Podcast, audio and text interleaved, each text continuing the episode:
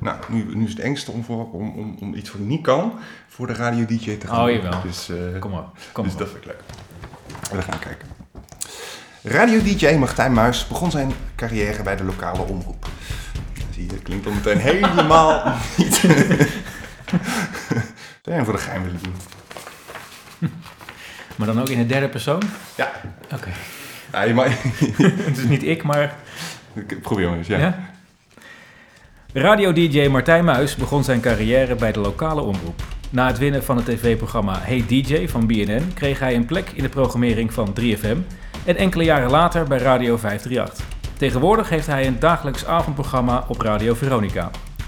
Wat komt er allemaal kijken bij het maken van een radioprogramma? Hoe werk je aan een radiocarrière en hoe zit de radiowereld in elkaar? Dit is de tweede aflevering van The Making of Media. Ja, Professioneel, hè? Zo doe je Ja, dat. zo doe je dat.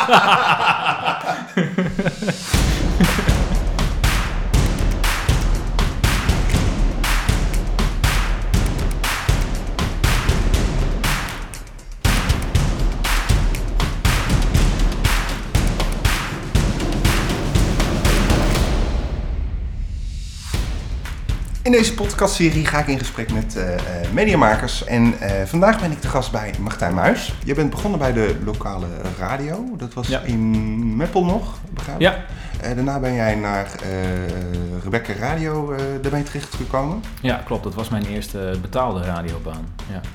Oké, hoe kwam je daar terecht? Is dat... Nou ja, eigenlijk door op de Bonnefoy een, een demo in te sturen.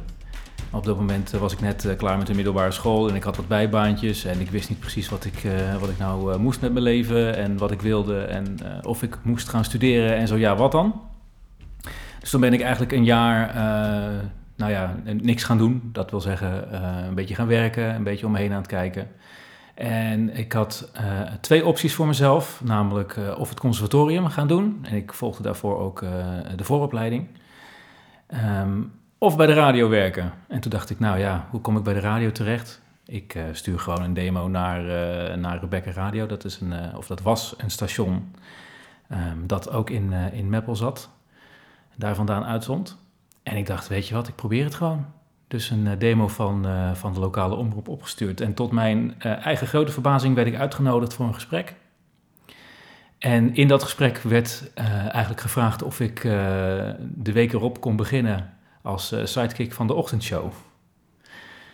Meteen beginnen met eh, het grootste op de radiogebied, de ochtendshow. Ja, precies. eh, Meteen het belangrijkste programma. Meteen in diepe. Ja, meteen in diepe gegooid. Nou ja, mijn antwoord daarop was uiteraard ja. En daarmee was eigenlijk ook meteen mijn, eh, mijn toekomst eh, eh, bezegeld. Het was niet meteen een, een, een, jeugddroom van jou om bij de radio te, te komen dan, of wel? Omdat Nou, juist wel. Juist wel, maar Ja. omdat je zo van ja, wat zal ik eens gaan doen met mijn leven? Nou, nee, ik dacht altijd dat is het grote onbereikbare ideaal. Dat gaat me nooit lukken. Ik weet nog wel dat als ik dan eh, in de trein zat en ik eh, kwam langs het Mediapark in Hilversum, dacht ik altijd, nou, als ik daar ooit terecht zou, zou komen, al was het maar om een keertje te kijken, weet je wel. Dat, dat soort van Shaki in de chocoladefabriek, dat, dat gevoel had ik erbij. Een, een, soort van onbereikbaar paradijs. Eh, maar dat, dat was in feite elke radiostudio voor mij. Ik dacht, nou, dat, dat, is een, dat is een onbereikbare wereld. En ineens maakte ik daar toch onderdeel van uit. Tot mijn eigen verbazing eigenlijk. En hoe is die passie je ontstaan voor radio? Is eigenlijk al heel, eh, heel vroeg ontstaan. En, eh, en ja, dit is een beetje het, het standaard discjockey verhaal, ben ik bang. En, en, en, ook ik heb ditzelfde verhaal. Namelijk door naar de radio te luisteren en door geïntegreerd eh, raken. En samen met een klasgenootje van mij op de basisschool maakten wij op zijn zolderkamer ook eigen radioprogramma's, zoals het dan gaat. En dan net als als ik dat vroeger deed met twee cassette recorders tegenover elkaar? Of eh, toch iets, eh, iets eh, Nee, professioneler? het was, het was in dit geval was het een transistorradio en een cassette recorder. En met die cassette recorder namen we dus op. En die transistorradio die gebruikten we om het signaal van, van de radio op te pikken. En zodra een plaat dan bijna afgelopen was en er een DJ dreigde te gaan praten, draaide ik snel de volumeknop dicht en gingen we zelf praten. En dan moesten we af en toe even luisteren of die alweer gestopt was met praten en of er weer een nieuw plaatje was gestart. Want daar waren wij dus van afhankelijk. Heb je die bandjes nog? Eh, ja, Ja. en nog wel eens terug kunnen luisteren. Eh, ik- ja, En? vreselijk. Heel erg. Nou, voor de making-of, misschien leuk om... eh, Ik heb helaas geen, geen cassettedek meer, heel jammer. Hoe lang heb je gewerkt bij Rebecca Radio? Eh, vier jaar. Vier jaar. Ja. En toen hield dat eh, station op te bestaan? Ja, dat ging failliet. Ongeveer tegelijkertijd was er een, eh, was er een oproep voor een televisieprogramma van, van BNN. Dat was in de tijd dat, dat al die talentenshows in opkomst waren, weet je wel. Dus je had idols en nou ja, weet ik wat allemaal niet meer. Dus ze zochten naar een, een zangtalent en ze zochten naar een kooktalent. En ze zochten dus ook naar een DJ-talent. Dat was het programma van, van BNN. Dus ik dacht, nou ja, weet je wat, eh, ik ga me daar gewoon voor opgeven, want ik heb eh, binnenkort geen werk meer. Eh, maar ik zou wel graag bij de radio willen blijven werken. En het zou natuurlijk ook een mooie ingang in Hilversum zijn. Want de hoofdprijs was een programma op 3FM. Dus ik dacht wederom, baat het niet, dan schaadt het niet.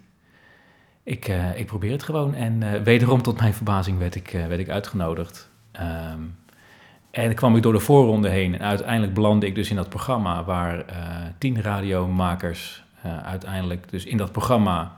allerlei opdrachten moesten uitvoeren... eh, allerlei dingen eromheen. En natuurlijk het allerbelangrijkste... beoordeeld werden op hun, hun radiokunsten. En lang verhaal kort, dat programma won ik. En daarmee kwam ik dus bij, bij 3FM binnen. We hebben een keer eerder gesproken, toen vertelde je dat het best wel impact had. Ja, dan merk je dus eh, hoeveel meer impact televisie heeft ten opzichte van radio. Je kan tien jaar op de radio zitten, ehm, maar als je één keer op televisie komt met je kop, heeft dat meteen effect.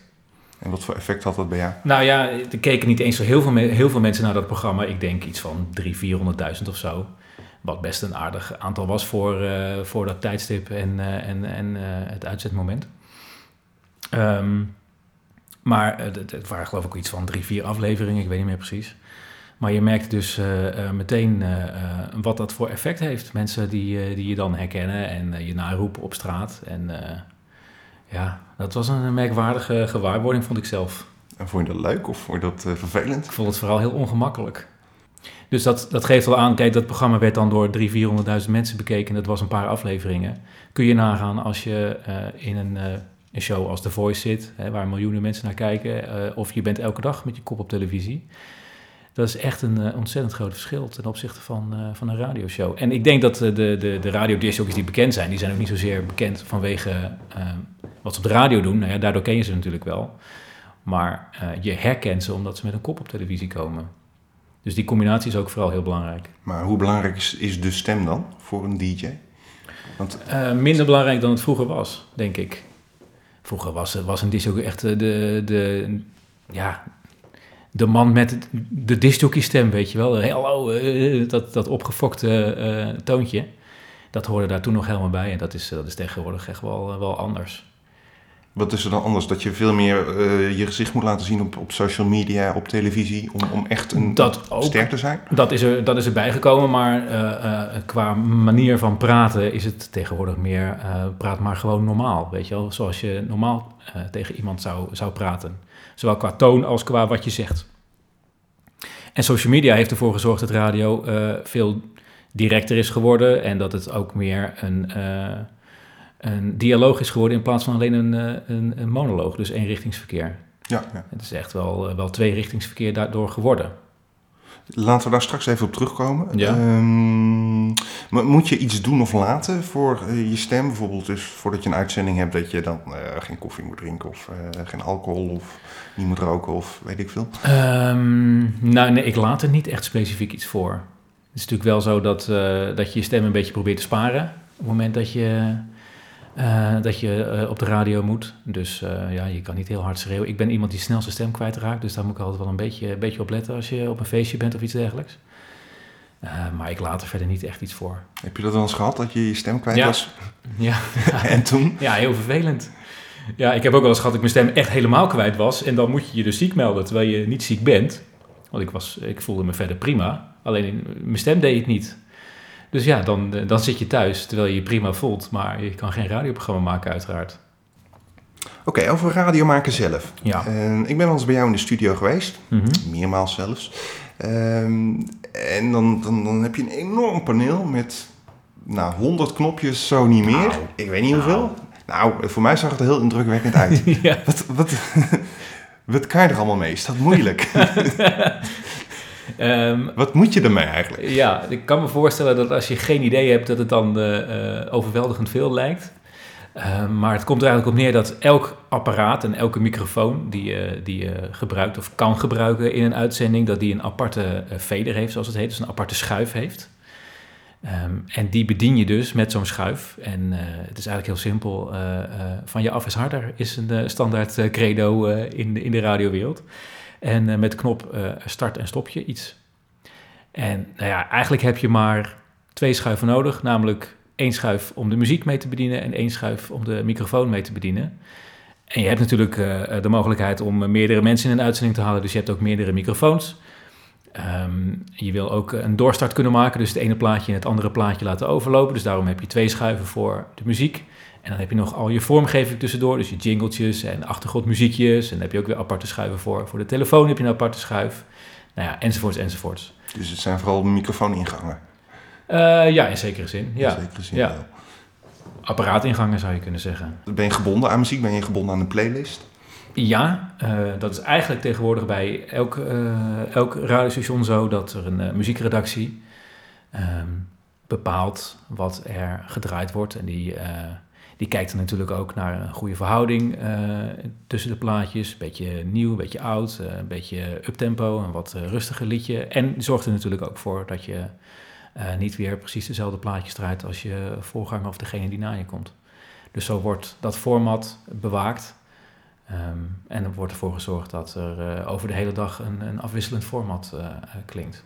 En heb je er zelf nog invloed op? Ja, in zekere zin. Um, je hebt wel overleg met, uh, met de muziekredactie. Als je bijvoorbeeld muziekitems hebt waarin je zelf um, bepaalde keuzes maakt.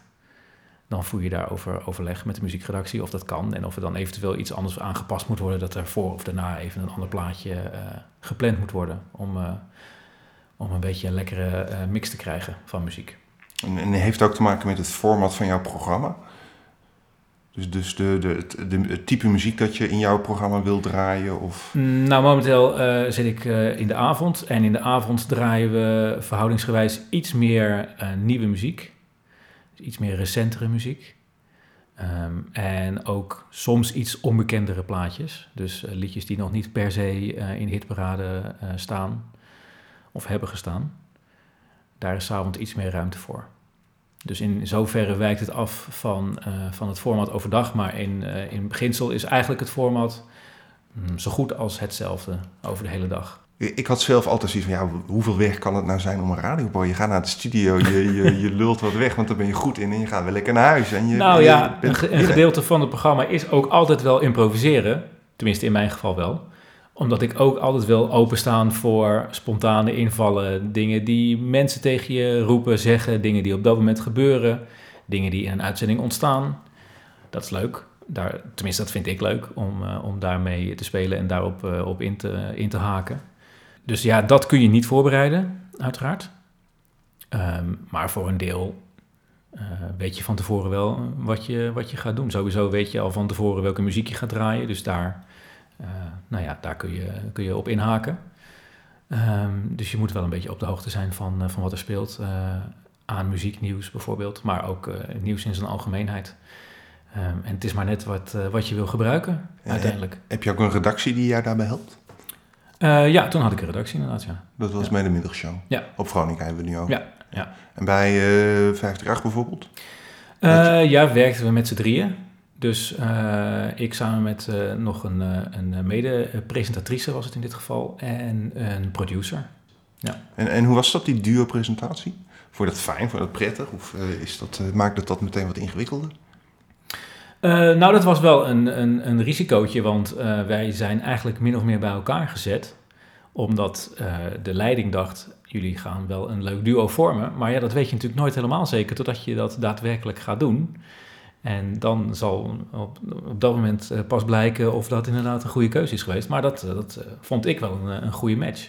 En hoe bouw je dat op? Is dat uh, voorbereiden? Ga je samen uit eten? want je, je kent elkaar niet eigenlijk voordat je bij elkaar wordt nee, gezet. Nee, nauwelijks eigenlijk. Nauwelijks. Ja, dus dan moet je elkaar een beetje leren kennen. En dat doe je inderdaad door, eh, door eens eh, een hapje te gaan eten, eh, met elkaar af te spreken. En natuurlijk ook eh, te bespreken, eh, wat vind je leuk om te gaan doen in een, in een programma? Hoe zie je dat voor je en eh, wat, zullen we, wat zullen we gaan doen? Doe je daarnaast nog andere dingen, zoals voice-overs opnemen, om, eh, om van, van jouw talent je stem in ieder geval eh, gebruik te kunnen maken? Heb, ik wel heb ik wel veel gedaan, doe ik momenteel wat minder. Ik ben momenteel meer aan het schrijven. Dat is een van de dingen die ik, die ik ook leuk vind. En die ik er een beetje bij doe, meer voor de lol dan, dan dat het echt wat oplevert. Maar ik vind het leuk om, eh, om te schrijven, om columns, om columns te schrijven bijvoorbeeld. Eh, dus dat, eh, dat doe ik nu. Voor, voor verschillende kanalen. Ik schrijf bijvoorbeeld een maandelijkse muziekcolumn voor een, voor een website. En ik schrijf voor het lokale suffertje, om het oneerbiedig te zeggen, schrijf ik één keer in de 14 dagen een, een column. En die is wat meer gericht op, op wat er hier in de regio gebeurt. En hier is dan Harderwijk, waar ik woon. En dat is echt puur hobby. Het is niet dat je een, een, een tweede lijntje alvast voor later aan het eh, ontwikkelen bent. Ja, zou kunnen, maar dat is niet waarom ik, er, eh, waarom ik ermee begonnen ben. Nee, Ik doe het dat- omdat ik het leuk vind. En als daar iets uit voortvloeit, dan is dat mooi meegenomen. Maar het is niet zo dat ik dit heel bewust eh, heb opgepakt. Zo van, ik, ik moet nadenken over, over, een, over een tweede carrière. Voor als mijn radiocarrière ophoudt. Dus je hebt ook geen tv-ambities. Ik heb geen tv-ambities. Nee. Nee. Nee. Waarom lach je? Nou ja, dat eh, heeft denk ik met ons verleden te maken. Aangezien jij me wel eens hebt gevraagd voor een, eh, Oh, heb ik jouw droom... een soort eh, van, een soort van screentestje. Hoe noemen we dit?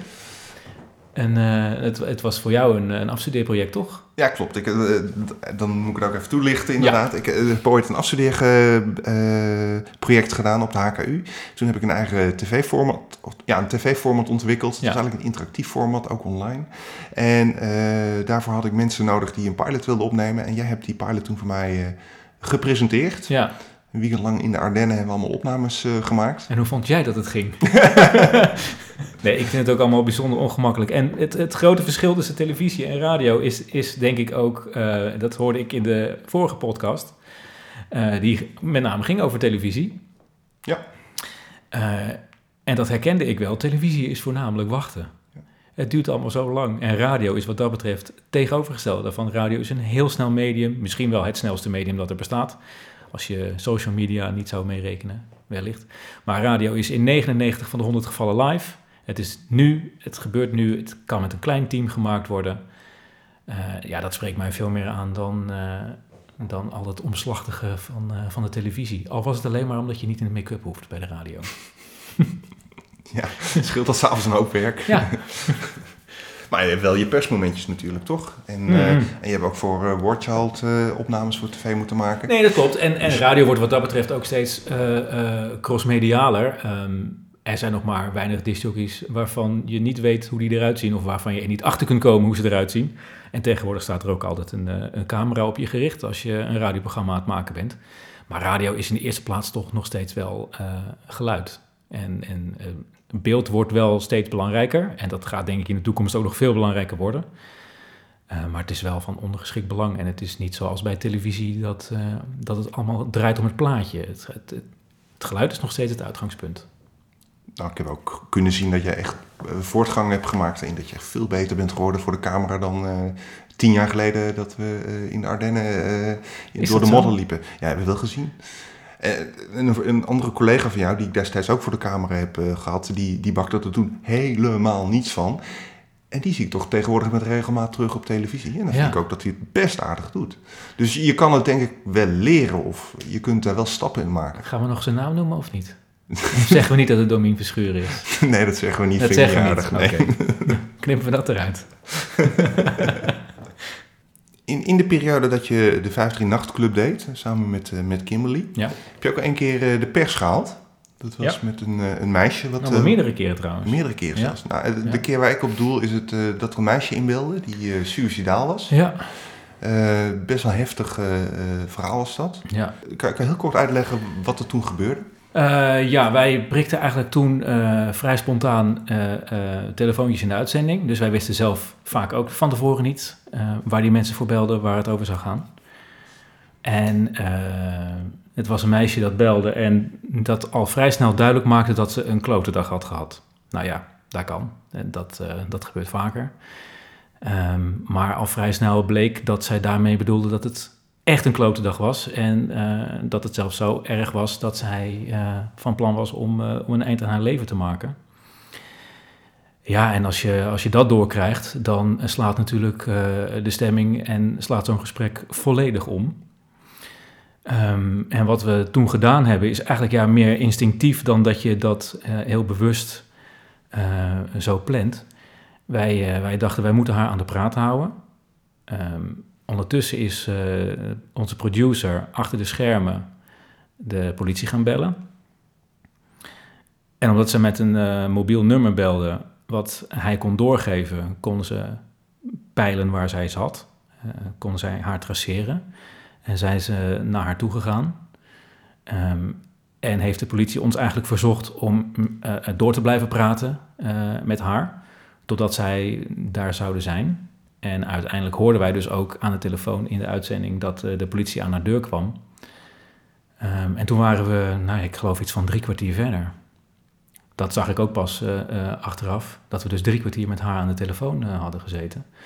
En nou ja, toen is zij door de politie opgevangen toen konden wij, konden wij niet verder met ons radioprogramma. Dat was natuurlijk wel de bedoeling, want het was nog maar één uur, weet ik nog.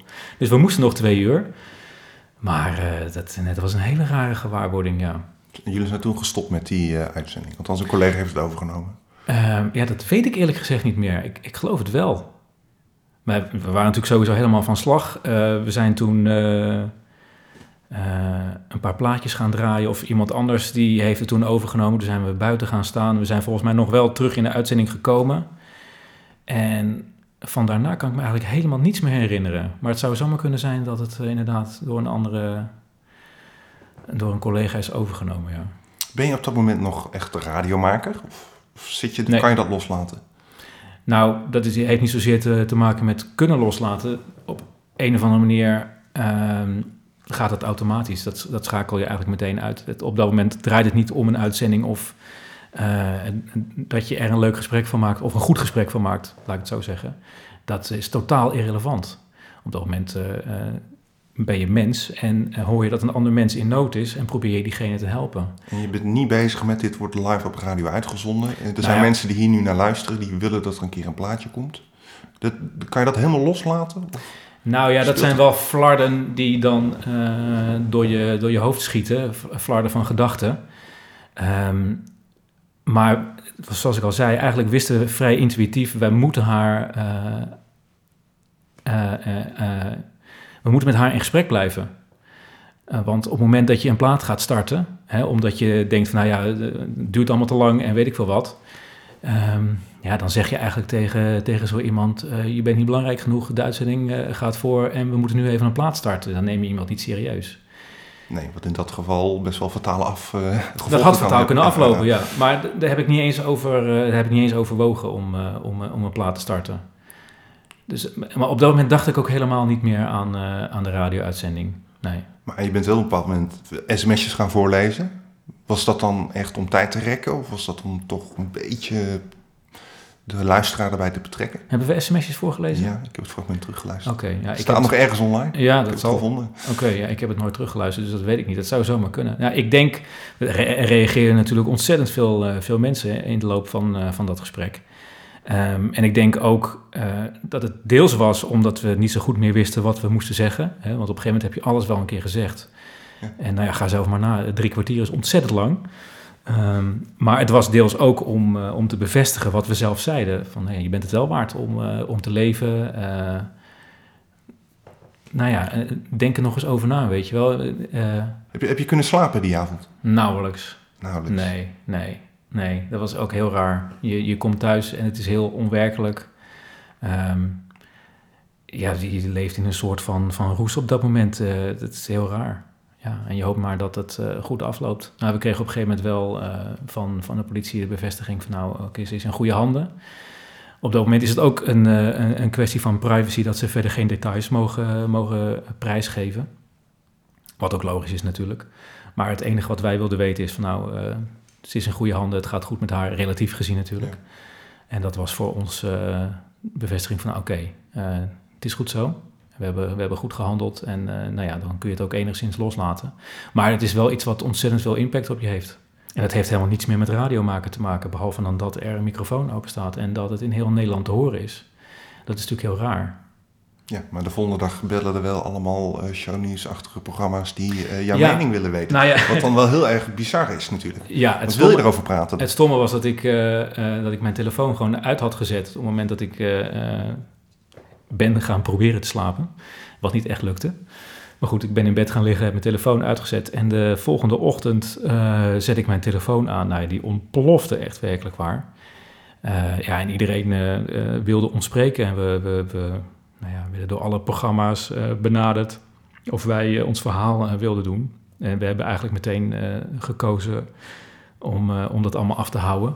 Omdat we dat niet, niet zo heel erg chic vonden om, om hiermee te gaan scoren, weet je wel. Om, om hiermee de publiciteit op te zoeken. Er werd wel heel veel over bericht en dat, dat begrijp ik ook wel. Alleen we wilden daar niet een slaatje uitslaan. Dat, dat hadden we eigenlijk al vrij snel besloten. Dus we hebben ook gewoon gezegd, nou nee, wij, we gaan niet bij een talkshow aanschuiven of zo.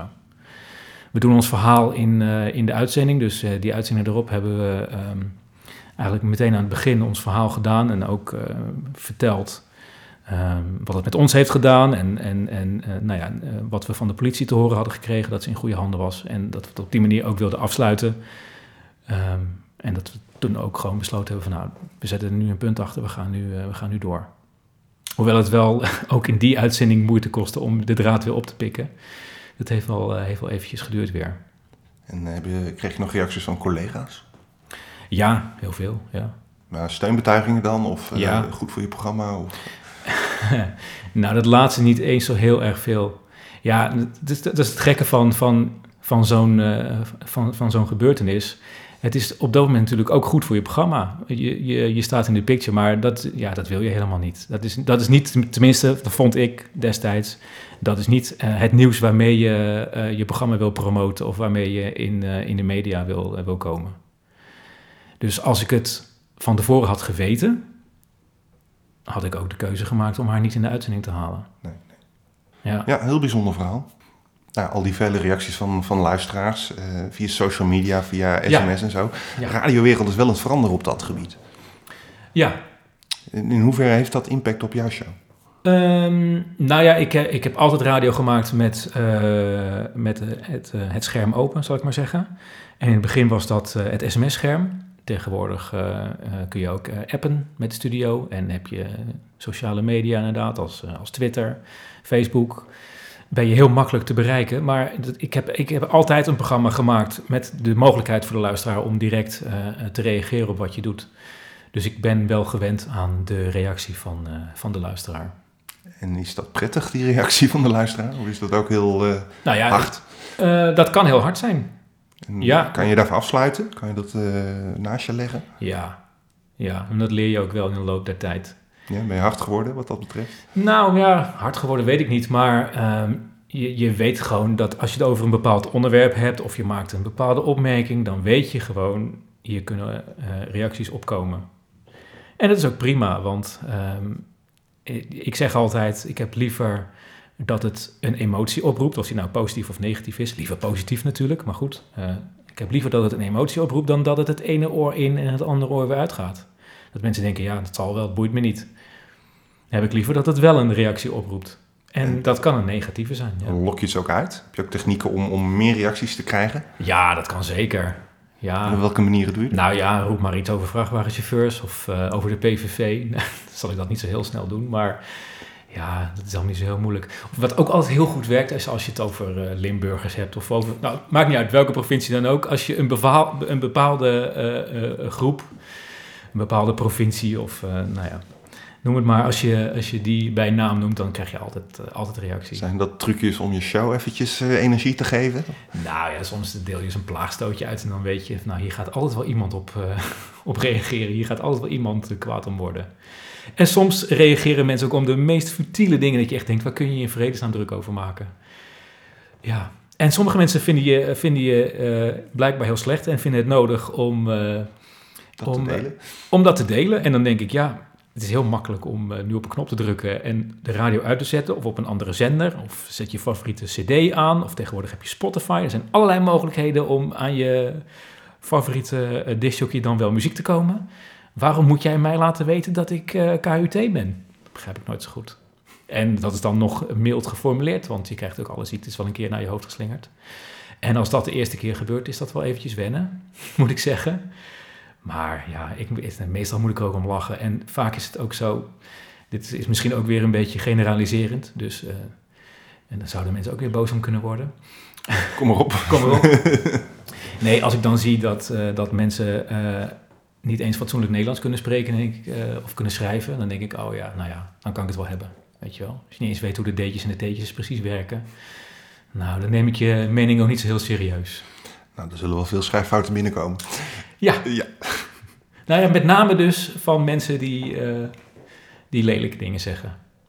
Die bevatten over het algemeen meer spelfouten dan uh, mensen met complimenten. Dat doet me op een of andere manier altijd wel uh, heel erg goed. Dat is misschien een beetje Oh, ja, de, ja. de ergernis heeft zich omgedraaid. Je krijgt energie van, uh, van uh, de slechte berichten die slecht zijn gespeeld. Nou, soms wel, ja. Soms moet ik ook eigenlijk heel erg hartelijk om lachen. En soms lees ik ze ook gewoon hardop voor in de uitzending. En soms worden mensen daar nog kwaaier van, omdat het je dus blijkbaar niet raakt. Want was het dus de bedoeling om je te raken. En dan, uh, Nou ja, dan blijkt dus dat me dat niet zo heel veel doet. En dan worden mensen alleen maar kwaai. En dan gaan ze nog een berichtje sturen. En dan krijg ik eigenlijk wel een beetje lol in. dus ja, maar dat is echt een opgebouwd schild eigenlijk. Dat is niet wat van natuur, of, of nee, had jij van natuur? Nee, ik denk dat, dat, dat, dat niemand van nature de eerste keer dat hij, uh, dat hij uh, kanker toegewenst krijgt, denkt van, hé, hey, wat grappig. Nou vind ik dat sowieso nooit grappig. Maar ik kan soms wel lachen om de, om de dingen waar mensen zich druk om kunnen maken. Dus dat zijn de negatieve bijeffecten van de social media... Uh ja. veranderingen die er zijn. Ja, het is natuurlijk heel makkelijk om een berichtje te sturen. En het is ook heel makkelijk tegenwoordig om anoniem een berichtje te sturen. Wat, zij... wat, vroeger altijd nog uh, per sms moest. Dus dan had je altijd nog een nummer. En die kon je even terugbellen. Die kon je even terugbellen. Ja, hallo. Nou ja, en, en soms uh, is het ook gewoon heel goed om iemand terug te bellen. Omdat je, nou ja, als iemand ergens kritiek op heeft. Ik wil niet zeggen dat ik, dat ik altijd maar uh, kritiek weglag of zo. Iemand kan ook echt daadwerkelijk een punt hebben. En dan kan het soms helpen om iemand terug te bellen en daar gewoon eens even met iemand over te praten. En soms wil het ook wel eens gebeuren dat iemand ontzettend uh, uh, loopt te schelden. En dat je denkt, nou, die ga ik even terugbellen. Om te vragen van, is dat nou echt nodig? En dan blijkt iemand aan de telefoon ineens, nou, toch een stuk meer gas terug te nemen. En ja, dan is het allemaal niet zo bedoeld. En weet je wel, dan denk je, oké. Het is allemaal heel makkelijk getypt. Dus dat is, dat is de kracht en ook de keerzijde van, van sms en van social media. Oké, tot slot nog een paar uh, korte vraagjes. Ja. Um, wat, wat, is jouw radiodroom? Waar wil je nog naartoe? Wat zou je nog willen bereiken? Hmm. Nou ja, ik heb al eerder aangegeven dat uh, prime time het hoogst haalbare is voor een, uh, voor een radiodisjockey. Tenminste, als ik voor mezelf spreek. daar heb ik even van mogen proeven. Dat zou ik idealiter wel weer willen, ja. Opnieuw. Je hebt al een keer ochtendshow, al een keer een middagshow. En dat nou, heel vroeg ochtendshow, dus niet de ochtendshow zelf. Middagshow wel. Bij Rebecca. Oh ja, die was ik zelf even vergeten. ik reken eigenlijk alleen maar vanaf Hilversum. Oei, slecht. Uh, ja, maar goed, dat was, dat was dan uh, als sidekick. Maar ik bedoel dan echt als discjockey. Ja. Oké. Dat, is, uh, ja, dat is wel het hoogst haalbare nog steeds in mijn hoofd. En wat, wat is een hoogtepunt voor jou in jouw radiocarrière tot op heden? Nou, één hoogtepunt noemen is wel lastig. Um, al vind ik, ja, ik ben er wel, uh, wel trots op dat ik uh, de, die middagshow heb gedaan. En wat mij betreft waren we ook op, op de goede weg en had het ook wel wat langer mogen duren om daar echt een succes van, van te kunnen maken. Want nou ja, het is een geëikte uitspraak, maar het is wel waar. radio is slow business. Dus voordat je bent waar je wil zijn, ben je ook vaak heel veel tijd verder. Mensen moeten je ontdekken, moeten je leren kennen uh, raken langzaam maar zeker aan je gewend. Daar had ik wel veel langer mee door willen gaan. Um, en ik ben ook wel trots op de vrijdagavondprogramma's die ik heb gemaakt met, uh, met Jan Paparazzi. Bij Radio Veronica heb ik uh, ook veel tekort gedaan. Want nou ja, toen kwam er ook weer een nieuwe baas en die vond ook weer dat er een nieuwe programmering moest komen. Dus die heeft dat programma ook de nek omgedraaid. Um, het grappige is dat je achteraf zag dat er een enorme stijging in de luistercijfers zat. Um, en wij merkten zelf ook dat het programma steeds meer begon te leven. en dat is uiteindelijk toch waar je het voor doet. dat mensen dat, dat weten te vinden en dat heel leuk vinden. En daar hebben we denk ik wel een, een heel leuk programma neergezet. Ehm, en ook daarmee had ik veel langer door willen gaan. Maar dat zijn, ja, dat zijn, dat zijn de, de onvoltooide hoogtepunten in mijn, in mijn radioleven, zou je kunnen zeggen. Mag ik je danken voor je tijd en, de, en, deze podcast. Ja, graag gedaan. Je bijdrage. dit was de tweede aflevering van de podcastserie The Making of Media. Kijk voor meer informatie en andere afleveringen op de website themakingofmedia.nl en laat gerust een, een, berichtje daarachter. Vergeet ook niet te abonneren, dat kan via Soundcloud, Facebook en binnenkort ook iTunes. nou, bedankt voor het luisteren en graag tot een volgende keer.